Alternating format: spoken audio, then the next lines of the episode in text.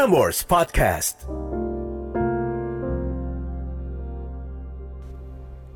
Catatan akhir malam oleh Narendra Pawaka. Selasa 3 Agustus 2021. Langit tak akan selamanya mendung. Malam akan berganti pagi, tangis akan berganti senyum. Di awal Agustus ini, ada Semu, seorang guru di Yogyakarta yang sedang kehilangan senyumnya dan menikmati proses pendewasaannya.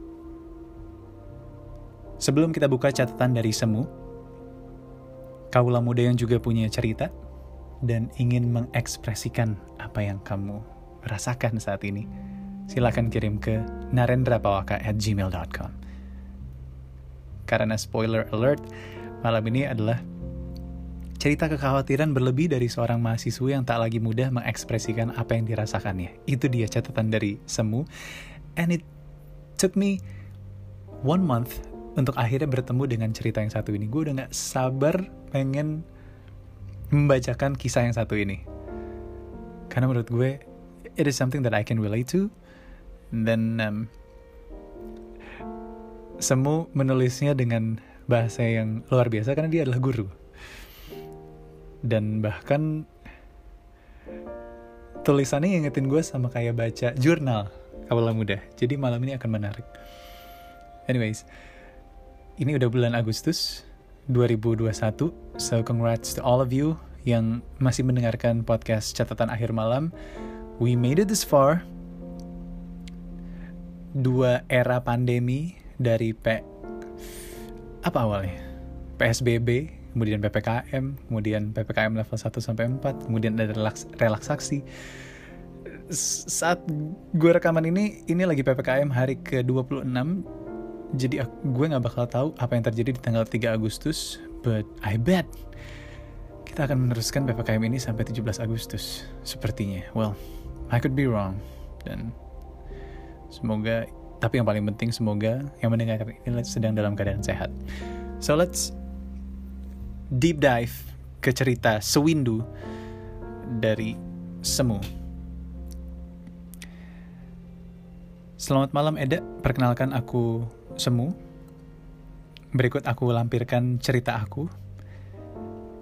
Berjudul Cerita Kekhawatiran Berlebih dari seorang mahasiswi yang tak lagi mudah mengekspresikan apa yang dirasakannya.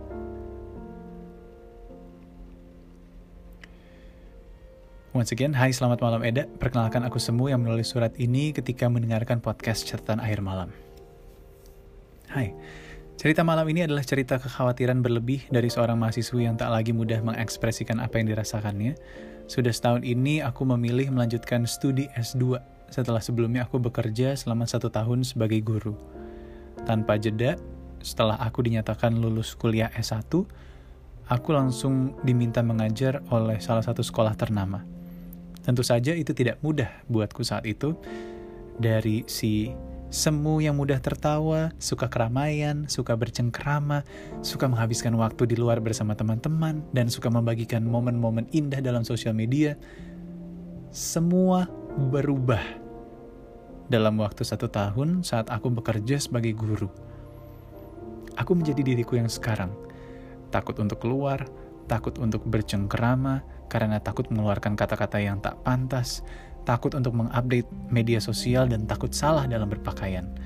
Bahkan aku sampai merasa ketakutan ketika ada orang tak dikenal yang mengikuti akun media sosialku. Ya, semua perubahan itu memang membuatku jadi tertutup. Bagian paling sedih dari itu semua yaitu aku mulai kehilangan satu persatu teman yang cukup dekat denganku. Teman yang dahulu menghubungiku dan mengajakku bermain kini tak ada lagi, yang kulihat hanya mereka yang asik bercengkerama tanpa ada aku di lingkaran mereka. Setelah perubahan yang cukup ekstrim dalam diri ini, aku berpikir bahwa dengan berhenti bekerja dan melanjutkan studi, maka aku akan dengan mudah kembali ke diriku yang lama. Tetapi kenyataan berbeda. Sangat sulit bagi diri ini untuk menjadi terbuka kembali. Dan yang paling menyesakan buatku adalah kesulitan untuk mengekspresikan perasaan aku. Aku yang selama setahun kemarin mengekspresikan perasaan marah, kecewa, sedih, senang dengan wajah datar, kini sangat sulit bagiku untuk kembali berekspresi. Aku yang dulu sangat suka membaca novel, menonton film, kini tak bergairah lagi untuk melakukan itu semua. Aku yang dahulu mampu dan mudah bercerita, berdiskusi tentang masalah dan kekhawatiran yang kualami, kini aku kesulitan untuk itu. Bagiku, dunia kerja sangat merubah diriku, membuatku merasa takut dan khawatir untuk kembali bekerja selepas lulus nanti. Ketakutan-ketakutan itu terus membayangi diriku setiap malam – Terkadang aku takut untuk menyelesaikan tesis, karena ketika menyelesaikannya berarti aku akan segera kembali ke dunia kerja, dan takut untuk kembali menemukan lingkungan bekerja yang sama seperti lingkungan kerja yang mengubah diriku. Tapi aku sadar aku tidak bisa berjalan di tempat, aku harus maju terlepas dari banyaknya hal yang menunggu di depan sana. Aku sadar, sudah saatnya diri ini menjadi lebih kuat untuk menopang kedua orang tua yang menua. Semoga diri ini bisa kembali berekspresi. Semoga diri ini bisa kuat dan sehat kembali. Semoga aku mampu menopang diriku sendiri, dan semoga aku mampu bahagia. Langit tak akan selamanya mendung, malam akan berganti pagi, tangis akan berganti senyum. Mungkin ini kala sendu bagiku, semoga akan datang saat aku mampu menertawakan proses pendewasaanku ini. Lekas sembuh, semu. Terima kasih Eda sudah menyediakan tempat untuk aku bercerita. Selamat malam, sehat selalu Eda. God bless you. Yogyakarta, 22 Juni 2021. Semu. Gue sempat dapat goosebumps, sempat merinding saat membaca tulisan lekas sembuh semu. Jarang sekali kita berbicara kepada diri kita sendiri ini ibaratnya gue lagi melihat semua memeluk dirinya sendiri dan bilang ke dirinya kalau hey lekas sembuh semua makanya the minute gue membaca catatan ini gue juga merasa kalau diri kita ini pasti banyak lukanya kaulah muda banyak perasaan yang kita pendam banyak cerita yang kita tidak bisa ceritakan ke orang lain karena perasaan takut takut dijudge, takut society cannot accept us, dan untuk itulah kita memendam.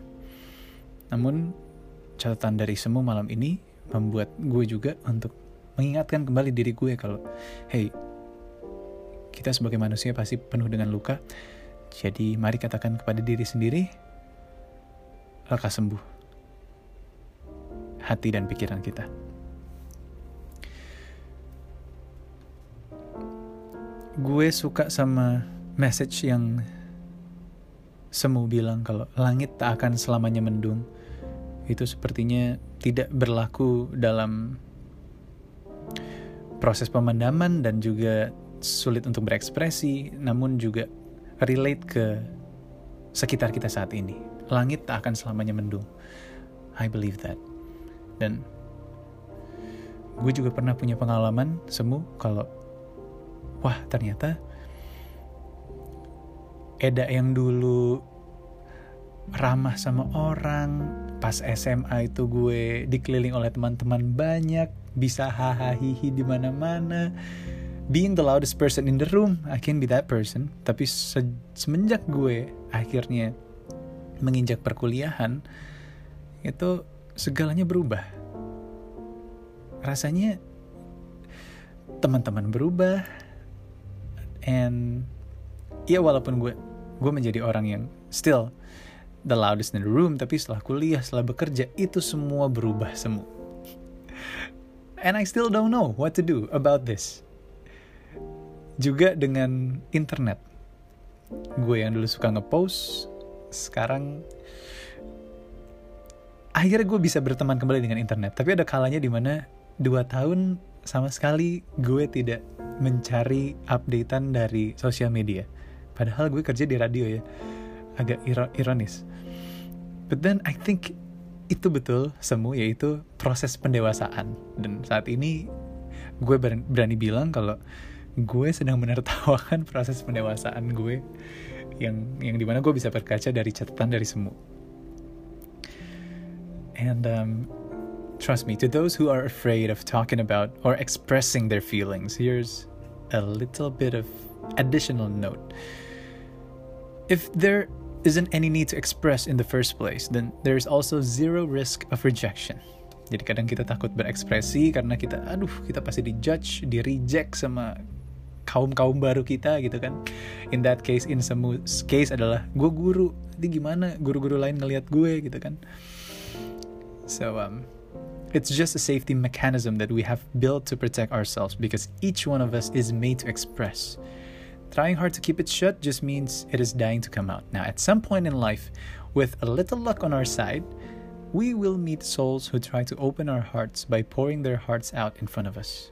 So, take your time to Take your time. Nanti lo akan menemukan orang-orang yang bisa menghargai semu yang sekarang. Namun, kalau misalnya memang rindu sama semu yang dulu, yang periang ibaratnya kalau gue bisa memberikan analisa dari catatan lo ya. Kalau lo kangen sama semua yang periang, semua yang ngepost apa pun di sosial media, happy go lucky, kadang inget aja. ya, emang agak frontal sih, cuman gue selalu kalau misalnya takut ngepost apa pun ya kapal muda di sosial media, gue selalu inget kalau hey semuanya akan jadi debu. And um, YOLO, you only live and die once, so just do it Just do it. Really, just do it. Apa sih yang lo takutin? Semua akan jadi debu kalau muda. gue jadi ingat saudara gue yang sempet, Dak, lu kenapa sih? Kenapa sih terlalu filosofis kehidupan lo terlalu nihilisme gitu? Nihilisme itu mengatakan kalau di dunia ini terutama keberadaan manusia di dunia tidak memiliki suatu tujuan. Kalau memiliki moto semua akan jadi debu kan seakan-akan ya udahlah. Kita kita nggak harus cemas sama keadaan hari ini ya well itu yang selalu gue selalu gue ini sih aplikasikan dalam hidup gue kalau lagi takut untuk mengambil keputusan semua akan jadi debu anyways um, it's been fun semua terima kasih udah lama juga nggak nggak nggak dapet catatan yang bisa membuat gue merasakan hal yang banyak sekali hari ini So, um, we gotta close the night. Terima kasih kalau muda. Ditunggu ceritanya di narendrapawaka at gmail.com. And here's a last and definitely not the least. Buat lo semua yang terlahir di tanggal 3 Agustus. You are uncommunicative and independent and have great perseverance. In a quiet, modest way, you carry out your plans, relying on your own good judgment. You are affectionate and demonstrative and require a steadfast love from your mate. My name is Narendra Pawaka and this is Catatan Akhir Malam. Have a good night, sleep tight, and don't let the bad bugs bite.